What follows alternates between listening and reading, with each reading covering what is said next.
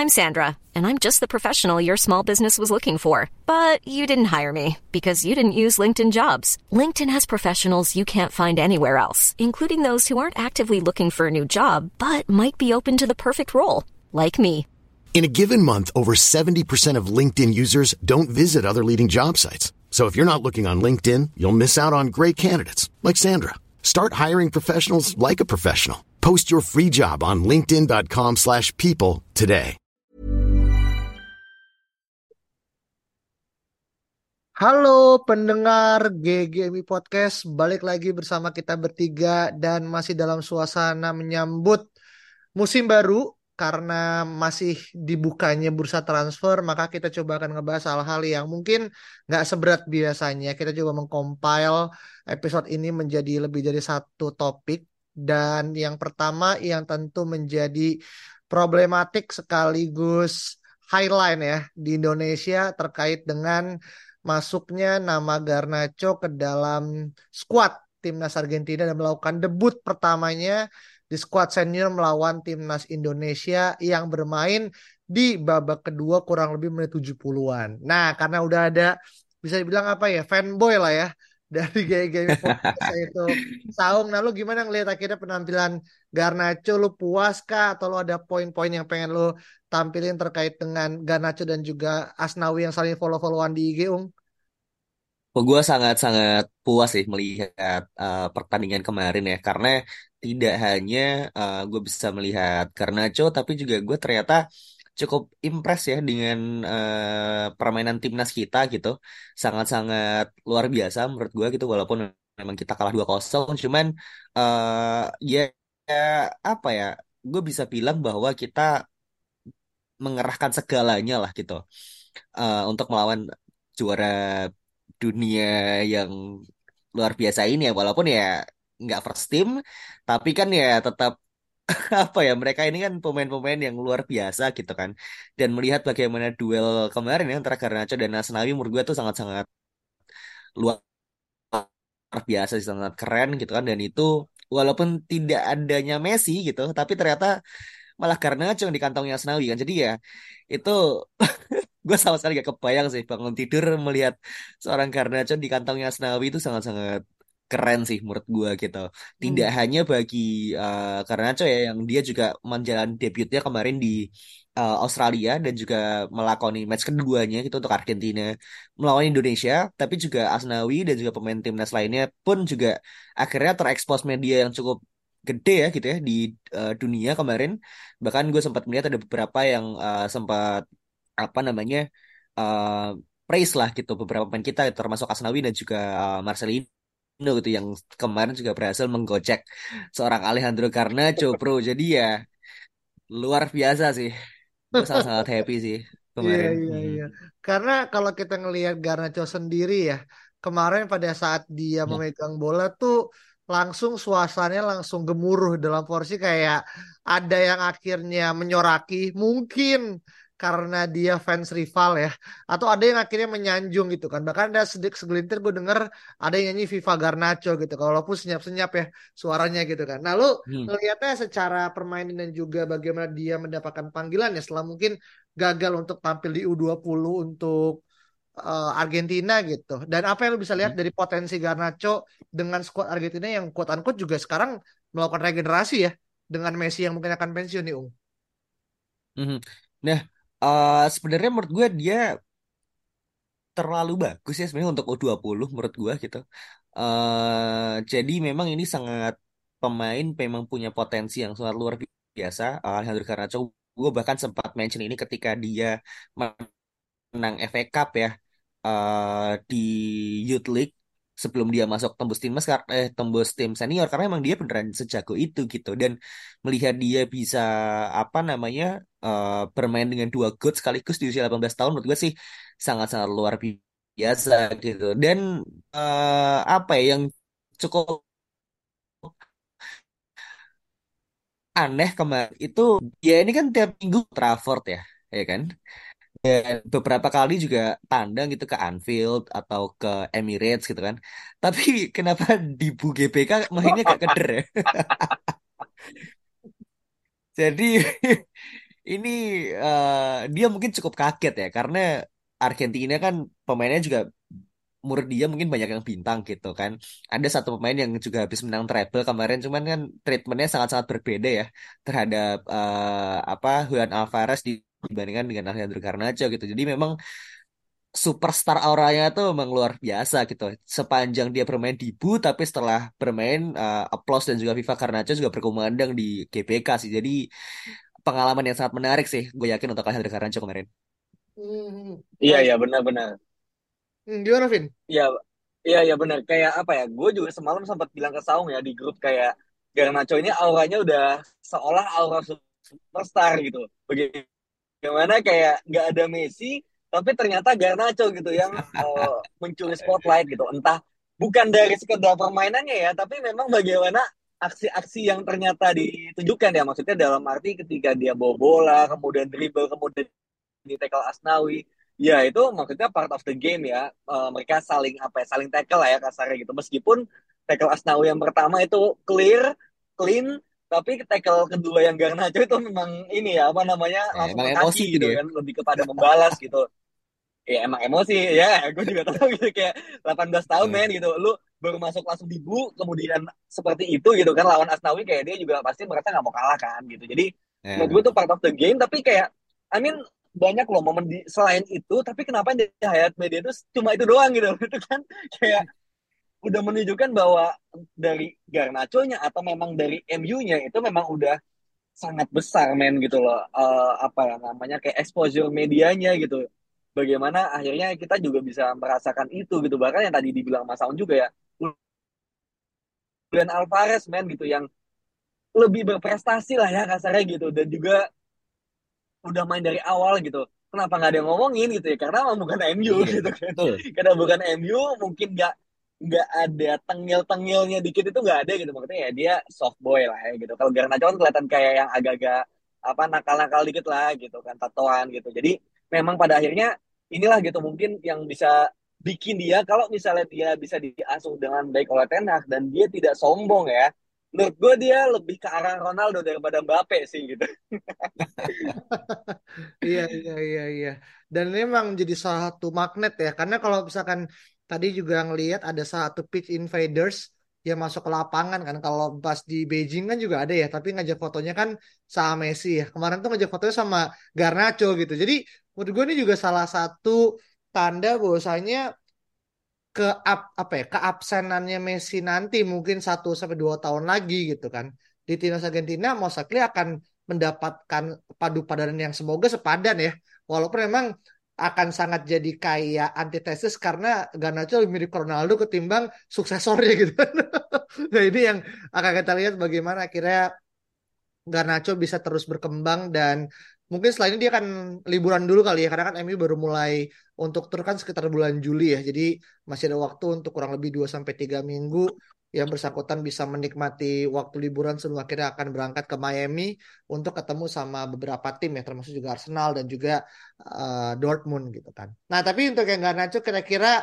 teman-teman bolehlah berkomentar apakah merasa puas dan mungkin buat fans MU yang nonton ke GBK ya gitu ya terlepas dari Messi, Ronaldo harapannya bisa menjadi salah satu obat penawar rindu gitu kan untuk akhirnya menemukan bintang impiannya nggak mesti harus jauh-jauh ke Old Trafford gitu. Nah sekarang kita masuk ke rumor atau bisa dibilang apa ya bahasan lagi cukup uh, solid ya dan ini seperti itu sama beberapa jurnalis-jurnalis besar kalau nggak salah juga Fabrizio masalah potensi adanya rumor perpanjangan kontrak Marcus Rashford yang katanya gajinya itu akan menyamai gaji yang dimiliki sama David De Gea selepas De Gea akan cabut itu diangkat 375 ribu euro per pekan ya kalau gua nggak salah gitu kan. Lalu gimana Vin menanggapi rumor dan lu sebelum setuju atau nggak setuju ya? Tapi melihat tadi apa yang terjadi di back layar Vin?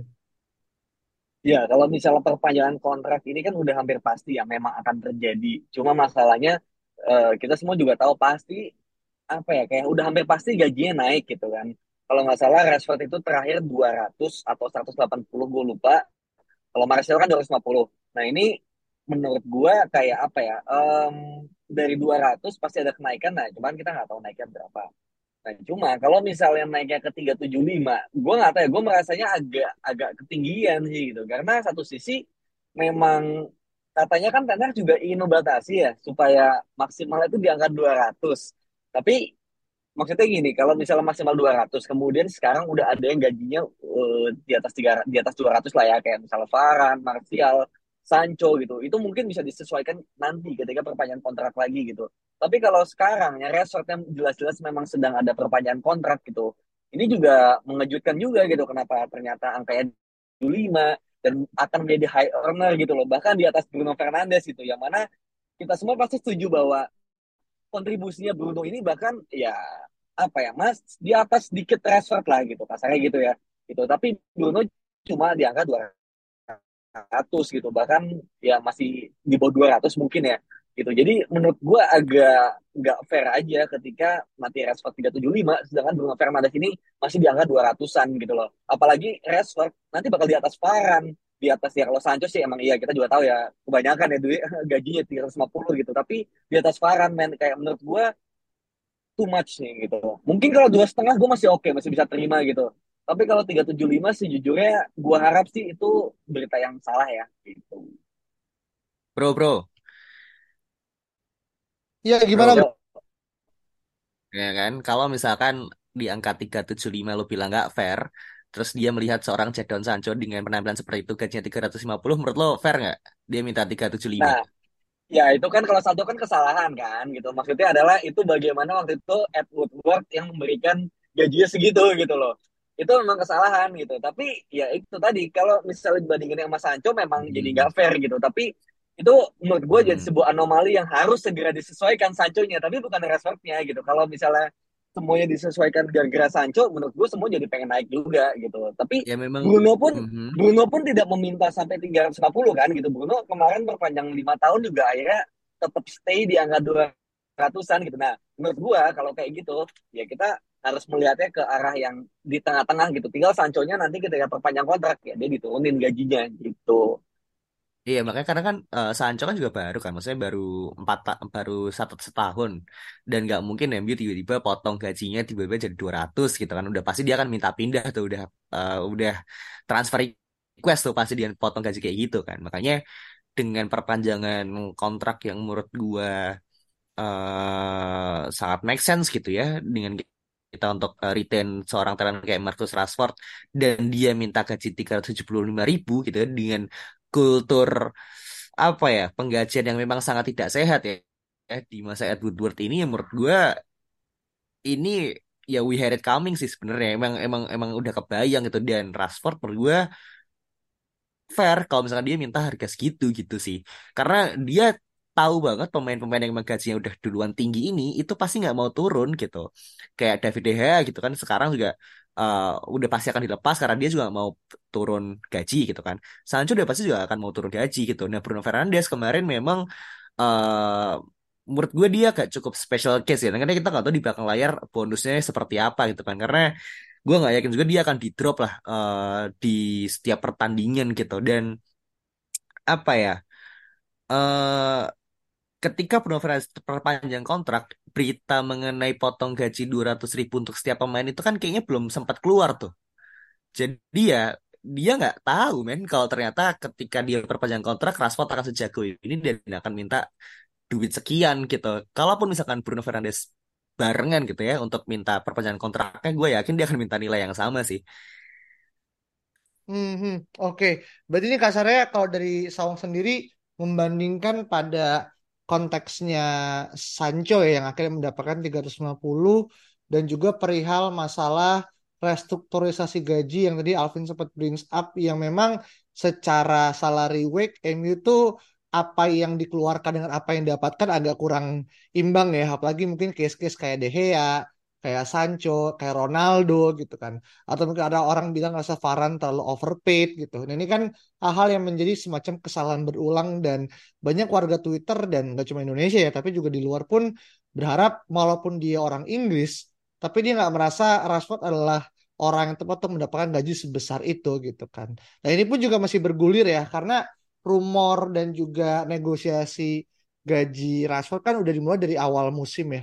Tapi kan Tenak yang seolah pengen nih mempercepat akhirnya sebelum Juni 2024 gitu kan. Yang di mana akhirnya dia bisa ya unquote 6 bulan sebelum itu dia bisa melakukan negosiasi dengan semua klub gitu. Dan gue yakin ketika mungkin di awal musim dia juga masih gacor gitu kan. Apalagi kalau kita mendapatkan tambahan amunisi gitu. Ya Januari maka dia bisa udah mulai tanda kontrak tuh kan dengan tim-tim yang akhirnya mungkin tertarik sama dia gitu. Kayak let's say PSG atau mungkin sekelas let's say Bayern gitu yang mungkin tertarik gitu kan somehow gitu. Jadi ini adalah hal yang menjadi perjudian gitu. Tapi kalau lu melihat pada konteks Ten Hag yang mungkin Vin menginginkan uh, Rashford gitu dan Ten Hag melihat bahwasanya kasarnya ya save him at any cost gitu. Lu masih ngelihat ini sebagai suatu hal yang tidak bijak nggak yang diambil sama MU meskipun Ten Hag yang menginginkan Vin? Uh, ya lagi-lagi ya ini juga karena nggak tahu ya ini benar-benar apakah Tenak juga adalah orang yang approve untuk gaji dia 375 atau memang misalnya ada desakan dari board ya kan nggak ada yang tahu juga gitu. Dan juga memang gaji 375 ribu pounds ini juga belum tentu benar juga kan gitu. Jadi memang ini kan baru rumor belaka dan juga yang lebih pasti itu kan adalah dia akan terpanjang kontrak tapi gajinya ini yang masih menjadi tanda tanya gitu ya menurut gue ya menurut gue pribadi ya ya ini agak sedikit balik lagi mungkin perdebatan gue Mas Aung ini akhirnya muncul lagi gitu di episode kali ini gitu. Yang mana ya menjadi tidak bijak gitu ketika pada akhirnya jadi apa ya menspesialisasikan satu pemain gitu. Yang mana menurut gue ya klub di atas segalanya gitu. Kalau ada pemain yang memang tidak apa ya nggak masuk lah dalam skema lense gaji atau apa pun itu gitu permainan ya lepas aja gitu ya Rashford oke okay, jago gitu tapi bukan berarti dia irreplaceable kan gitu semua pemain tuh bisa digantikan gitu termasuk Bruno Fernandes gitu, termasuk David De Gea, termasuk Param di Sandro itu semua pemain bisa digantikan. Nggak ada satupun pemain yang apa ya untouchable lah kasarnya gitu. Jadi pada akhirnya ya gue ingin ya kita tuh seperti Manchester City gitu loh. Cancelo mau cabut, ya cabut aja gitu kan. Walker mau cabut, cabut aja. Bakal bikin skema baru lagi gitu. Dan gue mau M gitu ya seperti itu gitu. Kalau misalnya ada pemain yang akhirnya bisa ruling the club kasarnya gitu ya, quote unquote ya, ya pada akhirnya bisa semena-mena gitu.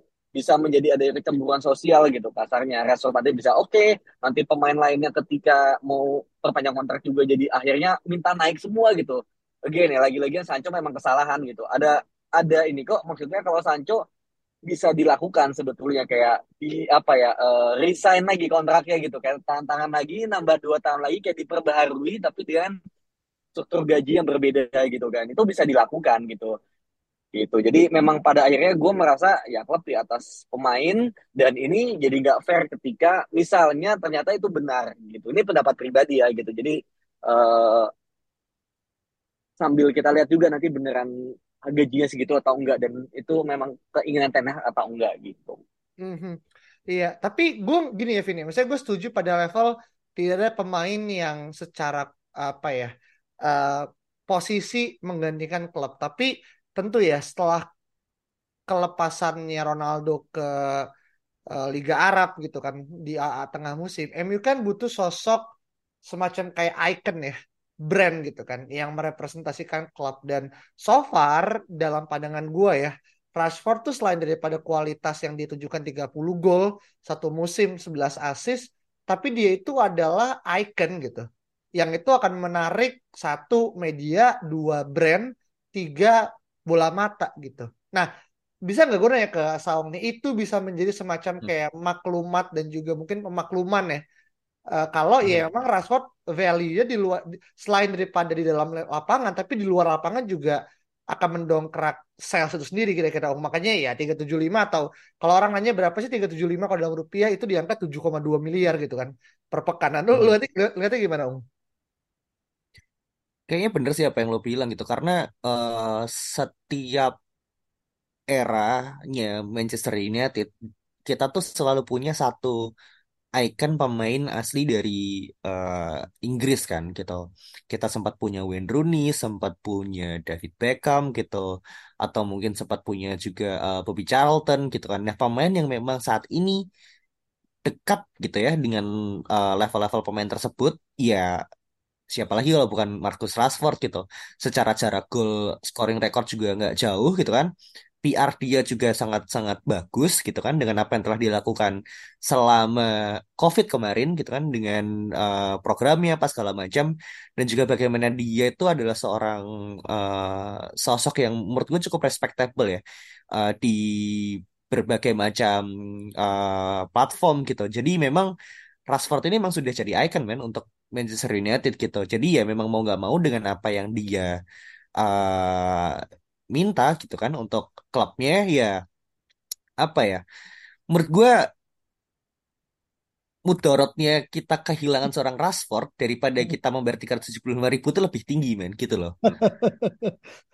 Jadi Iya. kalau misalkan Alvin tadi bilang kayak ya kalau mau cabut ya cabut aja nggak bisa gitu bro gitu karena kita nggak punya pemain sebagus itu gitu kan itu yang pertama yang kedua owner kita tuh sampah sekarang masian gitu nggak punya duit men lo mau bayar si Mason Mount mikir-mikir berapa kali tuh kan? Belum lagi kayak tim-tim yang lain udah pada mulai beli-beli ya kita masih berkutat dengan sales yang nggak kunjung jadi gitu. Jadi dengan apa yang dia minta dengan situasi yang sekarang dan dia berkenan gitu kan untuk perpanjang kontrak ya bayar aja sih gitu. Beda cerita kalau misalkan nanti kita udah eh ini ya di masanya Sheikh Jassim gitu katakanlah di mana kita punya apa namanya eh chance dan opportunity untuk beli pemain yang let's say world class gitu kan eh, dan juga ada duitnya ya bisa-bisa aja kita kayak Manchester City gitu. Cuman sekarang kan nggak bisa. Makanya ketika di awal musim kemarin ketika kita sempat take terkait uh, pusat transfer ya, salah satu poinnya adalah mempertahankan pemain-pemain kunci ini gitu dengan memenangkan liga dan juga punya permainan yang apa ya? eh, ada identitasnya lah gitu. Kita sekarang udah punya pelatih yang mumpuni, kita udah menang gelar, masuk Liga Champions, jadi ya will do anything to keep them man gitu loh. Jangan sampai kita masuk ke musim depan tuh dengan dengan apa ya, dengan squad yang lebih menyedihkan daripada sekarang sih menurut gue. Mhm. Iya, iya, Oke iya. iya. oke ya. Oke, Nah eh, ya. Iya mau nanggepin dikit ya tadi tentang masalah yang icon, kemudian mungkin brand awareness gitu. Iya menurut gue ya it's the past gitu kayak ya itu MU udah gede tanpa icon-icon tersebut gitu. Jadi kayak ya kasarnya dengan kita tadi bahas Garnacho ya itu bisa menjadi the next icon gitu loh. Jadi maksudnya Garnacho yang dia masih 18 tahun aja bisa bikin di Indonesia seperti itu gitu. Jadi Amin apa ya nanti itu bakal ada pasti ada orang-orang baru yang bakal siap menggantikan gitu. Gue tetap merasa bahwa oke sekarang memang Rashford bagus gitu citranya ya kasarnya gitu PR-nya bagus, respectable juga gitu. Tapi gue tidak merasa bahwa kita butuh itu gitu. Kayak sekarang menurut gue memang em, brand itu penting gitu kan branding itu penting. Tapi sekarang ya MU udah gede brandingnya. Sekarang bagaimana MU tuh lebih fokus kepada football matters daripada brand matters gitu. Karena brand udah gede anyway gitu kita jeblok aja masih tim kedua ketiga dengan revenue terbanyak gitu loh kita jeblok loh gitu yang nggak jelas mainnya kayak apa 10 tahun kacrut kayak gitu gitu jadi nggak gue nggak gue nggak khawatir brand MU itu bakal turun gitu loh tan ditinggal seorang Rashford gitu. Kita masih punya banyak pemain lain ya gitu. Kita kehilangan mungkin something iya gitu kan. Tapi bukan berarti kita kehilangan segalanya. Kita bisa rebuild lagi gitu. Jadi gue merasa masalah icon ini ya it's the past move on dan ya udah gitu. Kita be like like apa ya ya again ya seperti mau ya bilang be like Manchester City itu yang memang ya football matters it's more important gitu. Terus tadi uh, tentang ini ya apa namanya realistically gitu kan bagaimana ya 375 ya udah bayar aja. Ya memang itu mungkin jalan teroportunis ya gitu yang ya udahlah bayar aja gitu. Karena memang mepet gitu gue ngerti juga gitu. Cuma ya kalau misalnya harus dijual sekarang ya udah jual gitu kan. Jual lu bisa beli lagi gitu. Let's say dengan harga 40 30 lu gak akan sejeblok itu. Oh gue juga masih yakin kita semua yakin Sheikh Jassim sooner or later bakalan jadi owner MU meskipun gak musim ini tapi pasti musim depan. Kita mungkin jeblok musim depan tapi nggak akan sejeblok itu. Tapi musim depannya lagi kita bisa ruling the world gitu. Kita bisa beli semua yang kita mau gitu. Jadi menurut gue ya kita bisa merelakan satu musim tapi musim selanjutnya dengan Sheikh Jassim yang udah hampir pasti ya kita ruling the world anyway gitu kita mau kehilangan Bruno sekalian juga ya gue sih nggak takut gitu Hmm. Ma- makanya Nah, ini ini itu kan mungkin agak-agak ya. ini ya agak-agak Nah, lo kan lo kan bilangnya masih dua tiga musim lagi tuh, Bro. Nah, Iya. buat musim depan nggak bisa itu kita ke Rashford, Bruno Fernandes nggak bisa, Bro. apa yang apa yang lo bilang tuh bener. Secara teori memang iya gitu kan. MU itu emang brandnya udah besar gitu. Tapi sekarang we, we we cannot afford to lose this star player man gitu loh. Semua orang pasti akan mikir hal yang sama karena ya kita sedang sedang tidak dalam posisi di mana kita bisa kehilangan pemain-pemain ini gitu. Karena kita ya belum di levelnya Madrid ataupun Manchester City men gitu loh. Nggak bisa loh tiba-tiba buang orang-orang ini gitu. Nah, City pun buang-buang pemain kan ketika mereka udah menang treble kan. Nah, kita baru menang Carabao masa masih mau buang Rashford kan agak gila tuh. Iya kan? Jadi ya mak makanya apa ya hopefully ya hopefully kayak eh gue sebenarnya juga ya udahlah gitu bukan duit gue anyway gitu cuma hopefully gitu. Kayak tadi tadi lu bilang kan apa uh, apa ya tadi pokoknya tiga tujuh lima tuh kayak udah bayar aja gitu. Lebih lebih banyak mudorotnya kalau lepas transfer gitu kan. Ya gue sih kayak ya ya itu gak, emang nggak sesalah itu gitu kan uh, argumennya gitu. Cuma gue lebih mengkhawatir uh, khawatir sama side effectnya gitu. Yang mana ya tadi gue bilang dari situ nanti kemudian struktur jadi rusak lagi kemudian pemain yang tadi di bawah jadi standar setinggi itu gitu kayak ya gue nggak mau dari satu pemain kemudian merembet ke pemain lainnya gitu tapi kalau misalnya pada akhirnya ini adalah jalan yang paling oportunis yang bisa di yang bisa diambil dan Ten Hag juga akhirnya tujuh kayak ya udah mungkin memang ada hal-hal yang di luar kuasa gitu. Hmm, iya iya iya. Ini kan sebenarnya gini yang gue coba tangkap kan Saung lebih kepada seseorang yang mainkan topi realistis ya. Pada konsep di mana akhirnya dengan squad MU yang sekarang sedang menuju proses progressing gitu kan. Dan sosok Rashford nih adalah jembatan karena kan usia dia juga masih usia matang ya 25 kan.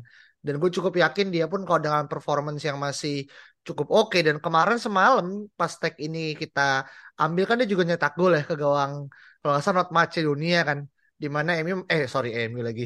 Uh, Inggris yang main di Old Trafford itu menang 7-0 gitu kan. Yang Rashford kalau saya tak satu gol deh kalau gue nggak salah gitu kan. Jadi well selama performance itu masih bisa dilanjutkan sih to be honest mungkin angkanya nggak 375 tapi let's say di angka 300 sampai 350 tuh menurut gue masih satu angka yang cukup oke. Okay. dan selama akhirnya ada didilan di balik layar dan ini gue juga baca di Twitter ya barusan ternyata ada rumor yang mengatakan kalau gajinya Halan di situ mencapai angka 865 ribu per pekan gitu kan. Walaupun kalau di apa yang kita lihat uh, gaji paling tinggi gitu kan uh, Halan nomor dua di bawah KDB KDB tapi katanya ada semacam kayak gol assist uh, apa namanya penampilan per pertandingan yang ternyata setelah total-total itu per minggu dia dapat 865 gitu. Berarti kurang lebih dapat sekitar 15 M gitu seminggu gitu kan. Walaupun itu bonus kan. Apa? Itu bonus kan? Itu bonus. Itu bonus, kan? iya. Eh, Tapi kan dia nyetak gol hampir setiap minggu juga, Bro. Jadi Iya, tergantung dia dong. iya sih. Bener-bener itu kan kuat unquote ya kayak menjadi kayak kayak lu sales tapi lu tahu lu pasti punya pelanggan yang akan ngebeli produk lu juga gitu karena itu kan ya sedang didalami sama Halan kan dengan uh, keran gol yang akhirnya meluber-luber gitu. Tapi oke okay lah kita nggak ngomongin Halan kita ngomongin Rashford. Dan kalau nah, teman-teman nah, gimana gimana? gua, ya gue malah lebih setuju kayak gitu gitu. Jadi udah Rashford patok di angka 200 gaji pokoknya tapi bonusnya gede gitu. Lu satu gol berapa gitu kan tambahannya. Jadi termotivasi ini. Mungkin terlalu yang terlalu teoritis ya gitu. Cuma maksudnya kalau emang halan seperti itu klausulnya I mean di FIFA juga ada klausul kayak gitu kan. Lu cetak hmm. berapa berapa 20 gol lu dapat bonus berapa gitu. Gitu. Dan itu kan adalah sebuah skema yang katanya uh, yang gue yakin pasti kita semua pernah baca gitu skema di mana pemain itu bakal dipatok semuanya di angka 200 maksimal 200 ribu pounds tapi nantinya yang bikin gede itu adalah bonusnya gitu. Jadi kayak sebenarnya mereka nggak akan kehilangan apa pun gitu as long as mereka perform gitu gitu. Jadi ya mungkin itu bisa menjadi apa ya gue mungkin yang angka 375 yang kita dengar itu mungkin udah plus bonus gitu. Mungkin base-nya nggak segitu kita nggak tahu kan gitu. Dan halan 800 ribu gue yakin itu ya dengan bonus gitu nggak base-nya segitu gitu. Jadi memang gue lebih setuju ketika ada klausul tertentu yang bisa memotivasi pemain gitu. Ya karena dengan Sancho 350 lu flat kayak gitu kan kayak nggak fair juga gitu loh. Harusnya dia mungkin di angka 150 200-nya bonus gitu. Kalau di perform ya gue gak bakal achieve itu gitu. Jadi harus ada klausul sih menurut gue. Bro, ini bukan korporat kayak kita kerja, bro. di mana akhirnya ada klausul-klausul kayak gini. Maksudnya ya memang bener sih ujungnya kalau kita ngomongin ideally emang seperti itu gitu. Tapi sih gue nggak yakin ya itu bisa Eh, apa atau jangan-jangan ntar di kontraknya pemain ada yang PKWT dan PKWTT lagi gitu. kayak gini-gini kan akhirnya nggak bisa di menurut gue ini ya, apa namanya tapi well kalau mau mau bicara kayak gitu ya memang bonus sih tapi kan gue nggak yakin ya uh, pemain bola kayak mau hanya bergantung pada hal yang sifatnya bonus itu kan menurut dia pasti ada kepastian yang akan dicari gitu. Dan menurut gue sih uh, kita menunggu ya teman-teman yang mungkin pendengar GGMI podcast kira-kira kalaupun akhir Rashford diperpanjang kalau kita perpanjang sih kayaknya gue yakin kita bertiga oke okay ya cuma kan yang kita nggak oke kan lebih kepada masalah berapa gaji yang layak disandingkan untuk Rashford menimbang pada brand, menimbang pada performance, menimbang pada uh, eksistensi dia dalam proses Tenak melakukan restorasi di MU saat ini gitu kan. Dan kalau teman-teman punya pendapat langsung aja reply di Twitter kita at Podcast dan jangan lupa kasih bintang 5 dan follow Spotify kita untuk kita bisa update lagi di episode berikut, berikut ya. Bye bye. Hey, it's Paige DeSorbo from Giggly Squad. High quality fashion without the price tag. Say hello to Quince. I'm snagging high-end essentials like cozy cashmere sweaters, sleek leather jackets, fine jewelry, and so much more. With Quince being 50 to 80% less than similar brands. And they partner with factories that prioritize safe, ethical, and responsible manufacturing. I love that. Luxury quality within reach. Go to quince.com slash style to get free shipping and 365 day returns on your next order. Quince.com slash style.